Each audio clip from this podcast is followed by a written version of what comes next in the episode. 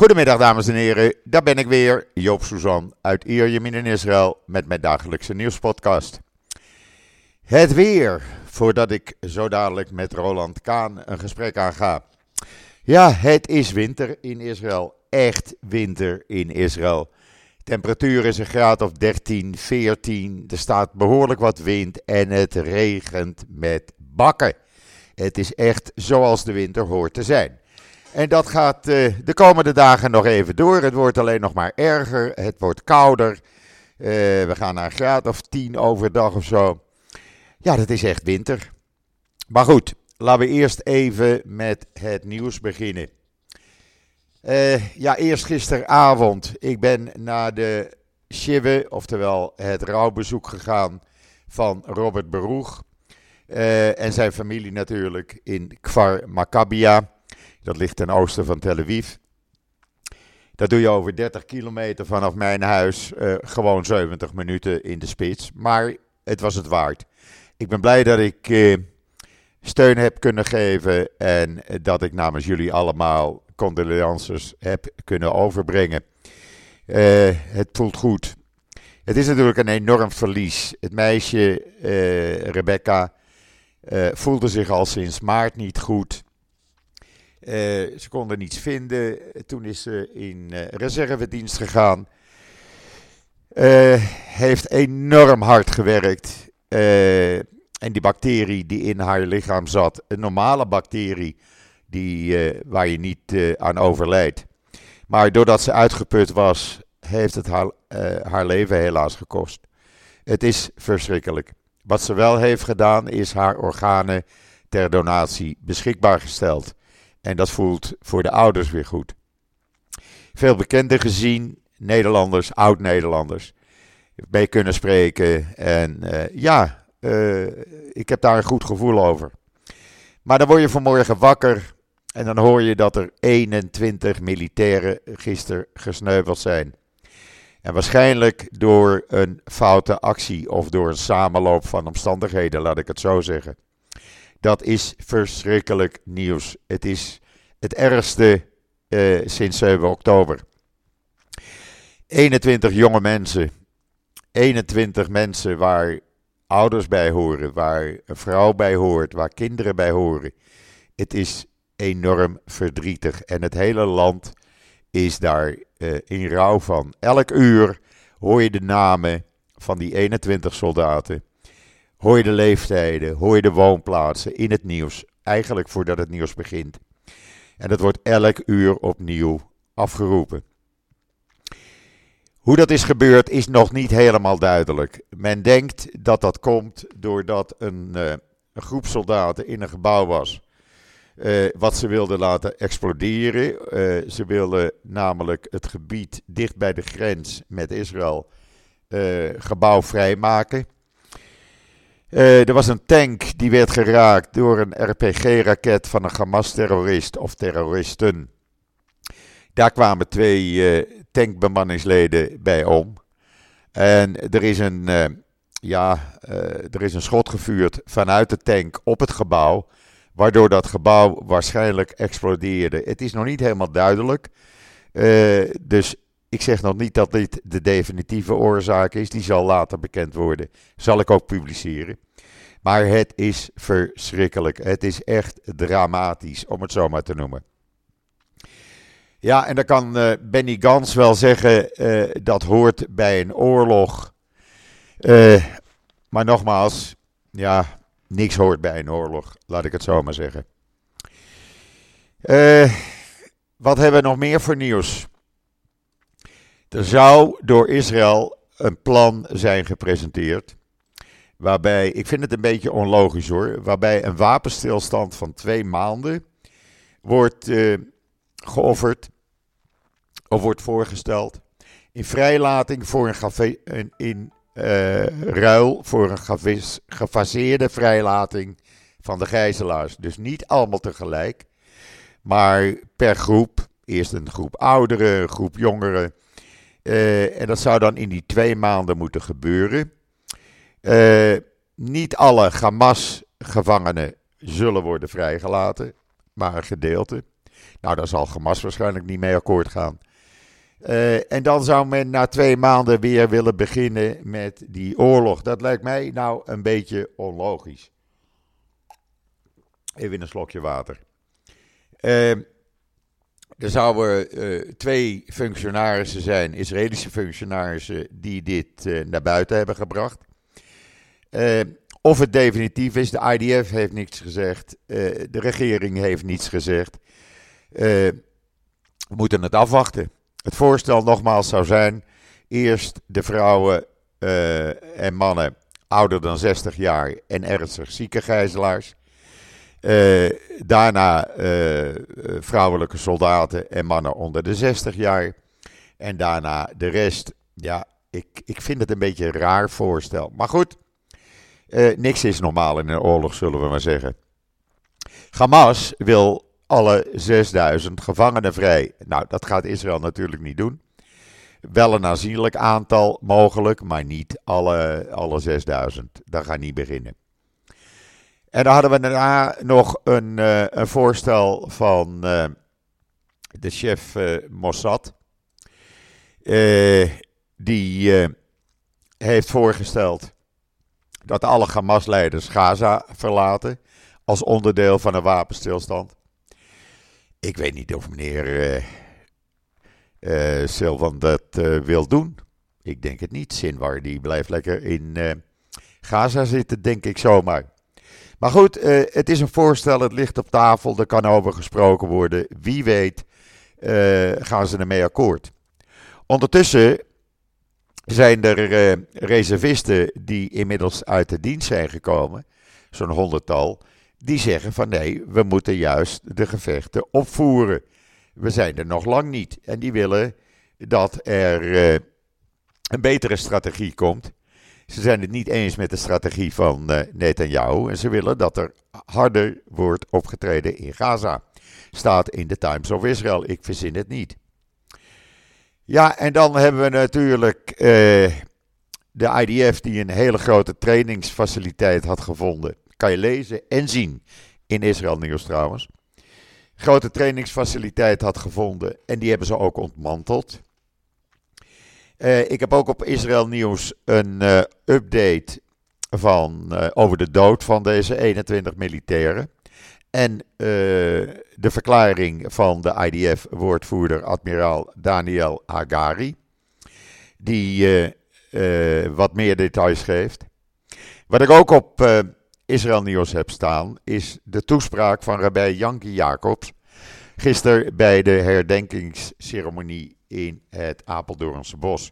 Hele mooie toespraak, ga maar even lezen. Uh, hij weet het altijd uh, mooi, uh, mooi te, uit te spreken. Ja, en dan hebben we een boer in het noorden van Israël die zegt over de grens wij leven ze een normaal leven.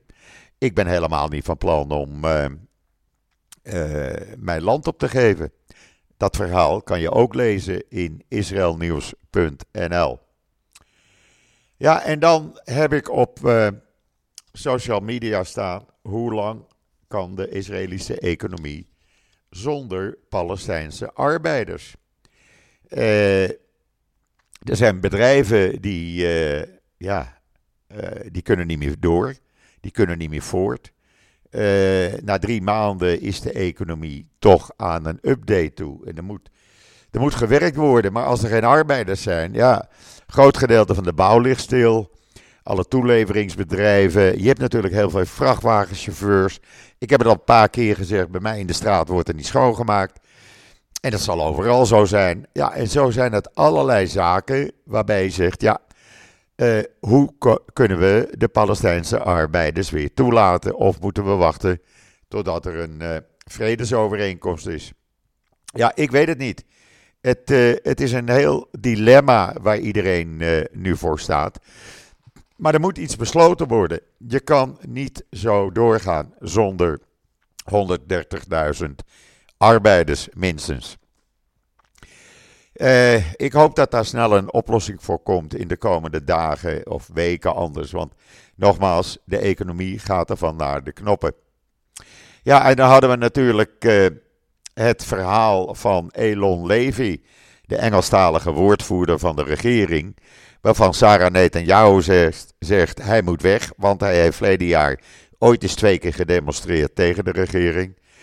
En de regering zegt nee, hij blijft zitten, want hij is een uitmuntende woordvoerder en dat is hij ook. Uh, dus hij blijft gewoon, uh, hij mag zijn baan uh, blijven houden en Sarah kan op de, benen, op de achterste voeten gaan staan. Maar hij blijft in de job die hij heeft en dat vind ik ook juist ook. Je gaat niet iemand ontslaan omdat de vrouw van de premier hem niet mag.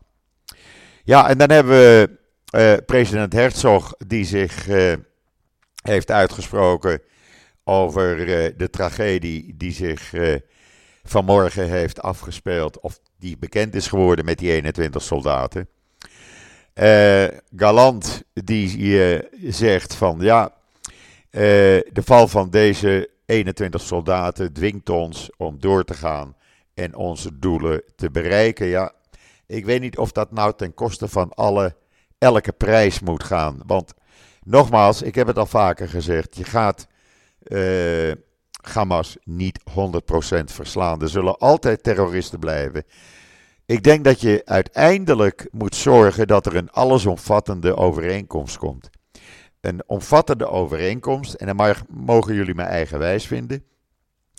Waarbij ik zeg van nou oké, dan moet er een, een een of andere vorm van een Palestijnse staat worden gecreëerd. Waarbij Israël natuurlijk voor de veiligheid zorgt dat er diplomatieke betrekkingen met de Saoedi's komen. Dan maakt Israël echt deel uit van uh, het Midden-Oosten. Dan is er geen uitzondering meer. En dan moeten de Arabische landen zorgen voor Gaza. Zij moeten zorgen dat het daar rustig blijft. Israël staat natuurlijk aan de grenzen en zal optreden indien nodig. Maar ja, ik denk dat je naar een, eh, een dergelijke overeenkomst uh, moet. Er moet eens een keer een totaal overeenkomst komen waarbij wij hier in Israël in rust kunnen leven. En niet elke keer in een oorlog of in acties. Eh, en als dat eh, de, de consequentie inhoudt dat eh, er diplomatieke met, betrekkingen met eh, de Saoedi's komen.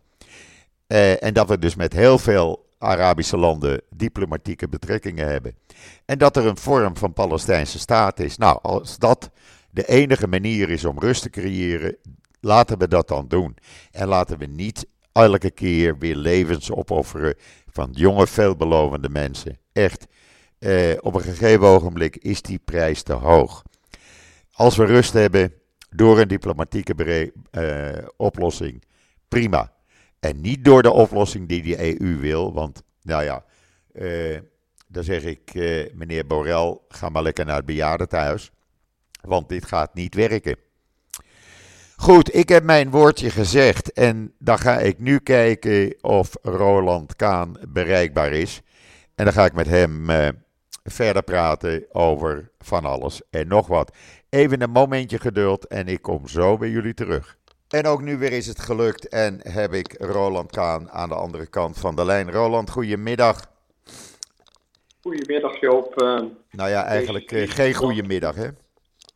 Nee, het is um, voor, voor, voor mij um, persoonlijk uh, als lid van de Raad van Advies van Stentus Nederland helemaal een dramatische dag. Gisteren heb jij shiver gezeten bij de dochter van Robert Baruch, mijn... Ja mijn collega. En um, mijn, mijn condolences voor het grote verlies van zijn dochter. Ja. En um, ook eigenlijk een oorlogsslachtoffer. Want uh, wat ik van jou begrijp is dat ze, ondanks dat ze een bacterie had, uh, zich als reservist uh, enorm heeft ingespannen voor deze strijd. En, ja. en, en mede door haar uitputting um, uh, overleden is aan een bacterie waar anders misschien niks mis mee was gegaan. Nee, precies. Dus, uh, dus Robert uh, en, en je hele familie, mijn welgemeende deelneming. En ja, we huilen allemaal een beetje. Ja. Want het is, Ik heb ook gisteren aan Robert gevraagd of hij het goed vond dat we dit in de podcast bespraken. En daar was hij het volledig mee eens. Ja. Dus, nou ja, we mogen, haar, we mogen zijn dochter niet uh, vergeten. ook Robert, zijn dochter, is een held van Israël. Absoluut. En, en wat, wat mooi was, wat mooi was dat er... komt in het boek van de rechtvaardig. Ja. Wat mooi was, er waren heel veel jonge mensen. Dat was echt, ja, dat deed goed. Er waren heel veel bezoekers, meer dan 200. Uh, waaronder heel veel uh, jonge mensen die toch uh, daar naartoe kwamen naar Kfar Maccabia. En dan zeg ik, ja, dat is toch weer fantastisch. Nou ja, Israël en het Joodse volk mogen heel trots zijn op de saamhorigheid. Absoluut. En als ik het over saamhorigheid heb, dan ehm, denk ik dat ik even terug moet komen op mijn vorige post, podcast, Joop. Als het ja, mag, zeg het maar. Mag. Ja. Wij um, um, hebben als Stentus, als zijn we heel druk uh, met uh, de strijd tegen jodenhaat. En uh, het is alleen op te triest voor woorden dat we daar een strijd voor moeten voeren. Maar de miscommunicatie, de propaganda is natuurlijk heel heftig. We hebben denk ik de strijd op TikTok al verloren van Qatar en co. maar um, ja, ondanks dat uh, doet Stentus dus geweldig werk, haalt ook sprekers uh, naar Nederland toe.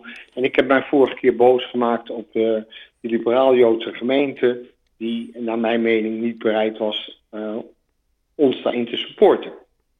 Um, er is afgelopen donderdag een bijeenkomst geweest bij Ton de Zwaan thuis. Met Rabbi Menno ten Brink, David Bezemer, Ganna Kleer, die de manager is van Stentus Nederland en ondertekende. En ja, daar um, ging het, gingen de eerste 15 minuten van het gesprek eigenlijk niet over het onderwerp, maar vooral over de boosheid die ik bij het bestuur had opgewekt door een verkeerde uitspraak. Nou, als je het hebt over saamhorigheid, is dat natuurlijk niet productief. Dus ik wil heel graag Menno ten Brink, Ton de Zwaan en de hele liberaal-Joodse gemeente mijn excuus aanbieden voor mijn misschien te heftige uitspraak. Um, het, de moraal van het verhaal is dat ik denk dat um, als je positiviteit wil en samenhorigheid, dan moet je dat zelf ook geven. Uh, dat voorbeeld heb ik niet gevolgd. Ik, uh, ik ben in mijn heftigheid blijven hangen en mijn verontwaardiging. Dus ook daarvoor mijn excuus. En um, we hebben in ieder geval uh, een heel goed gesprek gehad daarna. Een heel opbouwend gesprek. We hebben afgesproken dat we niet over de inhoud van dat gesprek gaan communiceren. Maar we, ik ben wel heel blij met de bereidheid van liberaal-Joodse gemeenten om uh, ons te supporten. Um, daar waar zij um, mogelijkheden zien. En uh, natuurlijk zijn besturen zij de liberaal-Joodse gemeente en niet ik. Dus dat is maar goed ook, want je moet mij zelfs geen auto laten besturen. Maar um, ja, dus ja, hierbij mijn excuus. En jij hebt ook tegen ze gezegd dat je dat via de podcast zou doen, hè? Even voor ja, alle duidelijkheid. Ik heb, uh, ik heb uh, um, aangeboden om dat hierbij te doen. En ja. dank je ook dat je daarvoor het platform geeft. Tuurlijk, tuurlijk, vanzelfsprekend. En dan had jij ook bepaalde ideeën over hoe deze afschuwelijke oorlog inmiddels eigenlijk gestopt zou kunnen worden.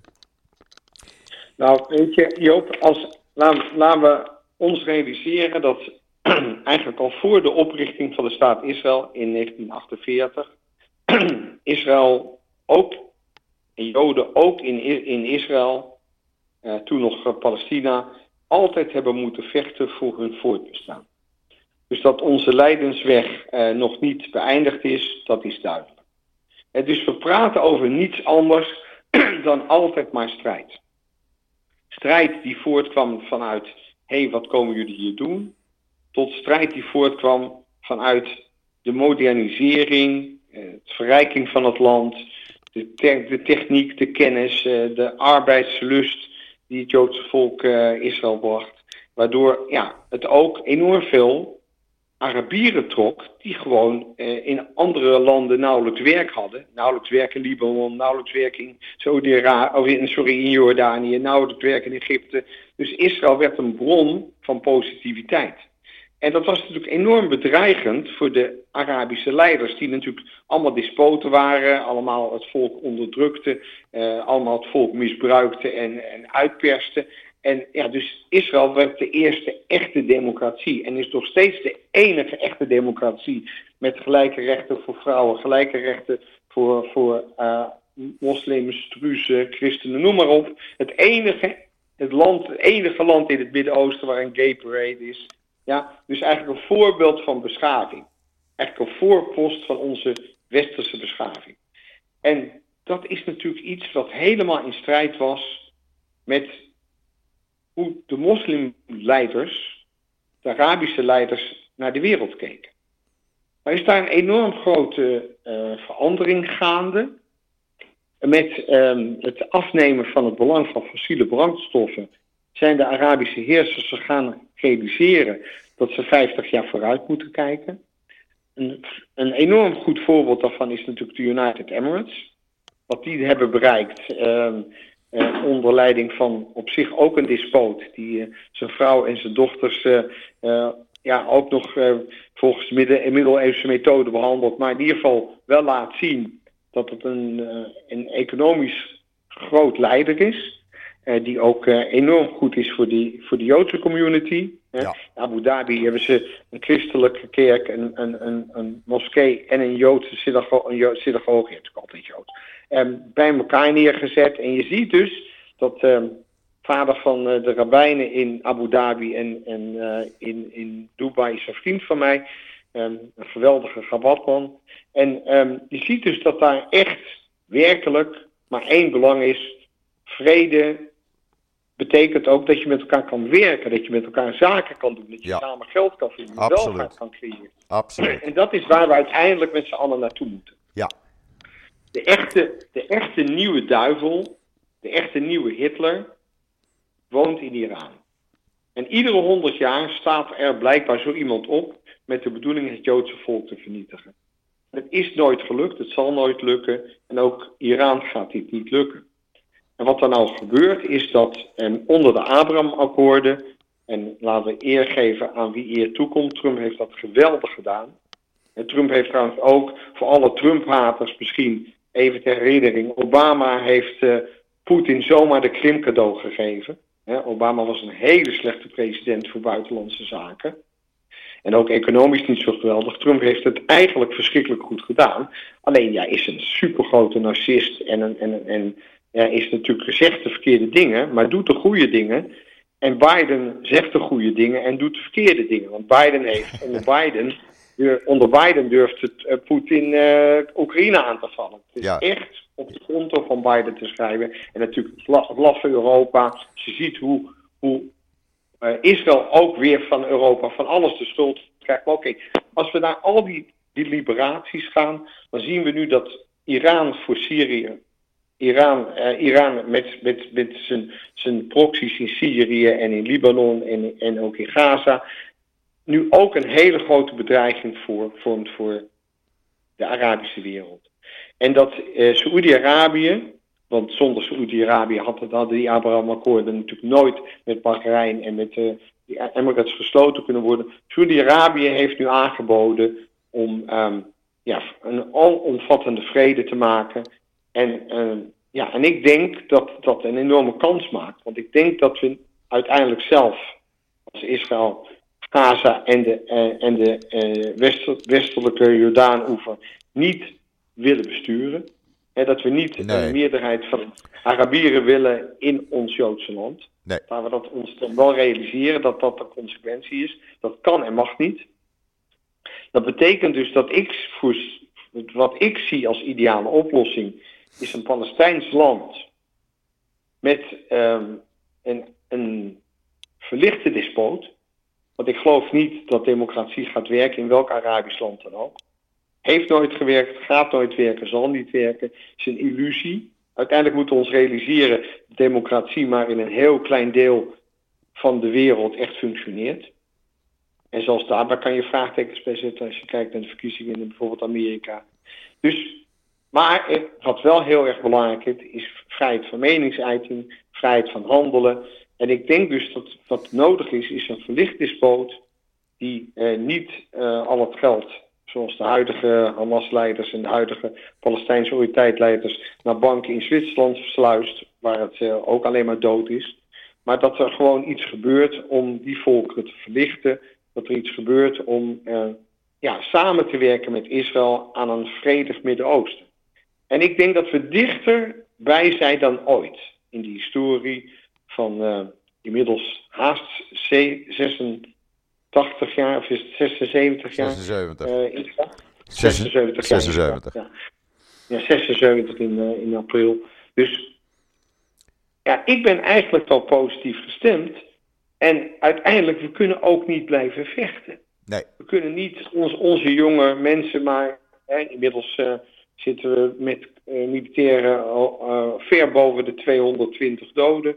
Zitten we met duizenden gewonden. Mensen die voor de rest van hun leven gehandicapt zijn. Zitten we met honderdduizenden displaced people die niet in hun eigen huis kunnen wonen. Zitten we met fabrieken die, die niet op volle capaciteit kunnen werken. De economische schade is immens, maar niet alleen voor Israël. Natuurlijk voor, voor de hele wereld. Als je dan kijkt naar de scheepvaart in, in de Rode Zee. Precies. Dus we zullen iets moeten ja, doen. Er moet iets gebeuren. Doen. We zullen iets moeten doen in zijn totaliteit aan alle groepen die gelieerd zijn aan Iran. En we zullen als, als vrije wereld moeten zeggen de Houthis hebben geen bestaansrecht. Uh, Hezbollah heeft geen bestaansrecht. Hamas heeft geen bestaansrecht. En Iran, jouw bewind, wat eigenlijk ook een dictatoriaal bewind is, waarbij de burgers al lang enorme spijt hebben van, uh, van dit, uh, ja, dit, dit bewind, dit, dit theologische bewind, gebaseerd op een hele fanatieke manier, visie op de moslim, op, op islam. En dat moet veranderen. Moet veranderen. En, en, en, en nu hebben we die kans, hè, door Saudi-Arabië. Ja, dus ik ben, en, en ja, raar genoeg, um, denk ik dat met Trump aan het bewind, dat natuurlijk toch een heel andere wind gaat waaien. Uh, en, en ja, ik, ik ben geen fan van Trump, maar ik ben zeker geen fan van de democratische presidentskandidaten. En nu willen ze dus uh, mevrouw Obama uh, naar voren schuiven. Een uh, lieve vrouw, goede juriste. um, maar netjes, net als Barack, gewoon hele grote praatjes maken. En praatjes vullen geen gaatjes. Nee. En wat denk jij van Nikki Haley? Ja, ik ben een enorme fan van Nikki Haley. Ik heb vrees dat ze het niet gaat redden. Maar ik ben wel blij dat ze strijd voert. Want doordat ze zich verkiesbaar blijft stellen, wat de Santis niet heeft gedaan, um, ja, kan ze zich profileren. Ik denk dat uh, Trump uit is op eenheid. Dus het zou mij niks verbazen als niet de Santis, maar Nikki Haley vice-president wordt. En dat betekent dat na vier jaar Trump, als het al vier jaar duurt, we dan de eerste vrouwelijke president van Amerika mogen begroeten, Nikki Haley. Ja, ja. En ik denk ergens dat onder Trump uh, de Saoedi's makkelijker te bewegen zijn om met Israël veel makkelijker. Uh, ja, veel makkelijker. een diplomatieke betrekking kijk, aan te gaan. Kijk, kijk, Trump kijkt naar hoe kunnen we met z'n allen geld verdienen. Ja, precies. En dat is precies de stijl van die Arabieren. Moet je realiseren dat Trump de enige Amerikaanse president is de enige Amerikaanse president die zelf geen oorlog is begonnen. Ja. En die oorlog heeft beëindigd. Ja. En als we dan zien hoe op zich een goed bedoeld bestand met uh, de Taliban. Gewoon door Biden helemaal naar de kloot is geholpen. Wat dat betreft, en, ook de, al die Joden in Amerika die zo pro pro-liberal, pro-democrats waren, die niets hebben gedaan aan de antisemitisering van de Amerikaanse universiteiten, die niets hebben gedaan aan de jodenhaat, die opeens tot de conclusie komen, verrek, onze kinderen worden nu ook getarget. En je ziet dat er een enorme ommekeer is in dat denken. En ik denk dat wat dat betreft 7 oktober de Joodse wereld heeft wakker geschud. Want never again is closer than we think. Nou, er is dus wij inderdaad moeten- er is een omslag. Wij, wij, wij, hebben maar één keus, onszelf te verenigen. Ja. En dat brengt me eigenlijk op een ander onderwerp, Joop. Ja. Je ziet dat ik... eh, ik denk dat 15 miljoen Joden en orthodoxie eens moeten stoppen met de compleet verouderde definitie van Jodendom via de moeder. En dat halachisch Joods een herijking nodig heeft. En met halachisch Joods bedoel ik, mijn kinderen hebben geen Joodse moeder. Maar hebben wel vanaf hun achttiende voor de school gestaan bij Leven en Welzijn. Hebben wel zich continu ingezet voor de Joodse gemeenschap, voelen zich Joods. Wie zijn een aantal rabbijnen die zelfs niet luisteren naar Mozes?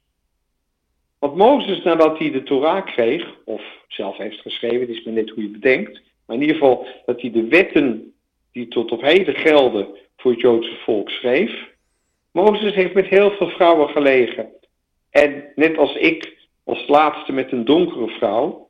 En Mozes heeft heel veel nazaten gecreëerd.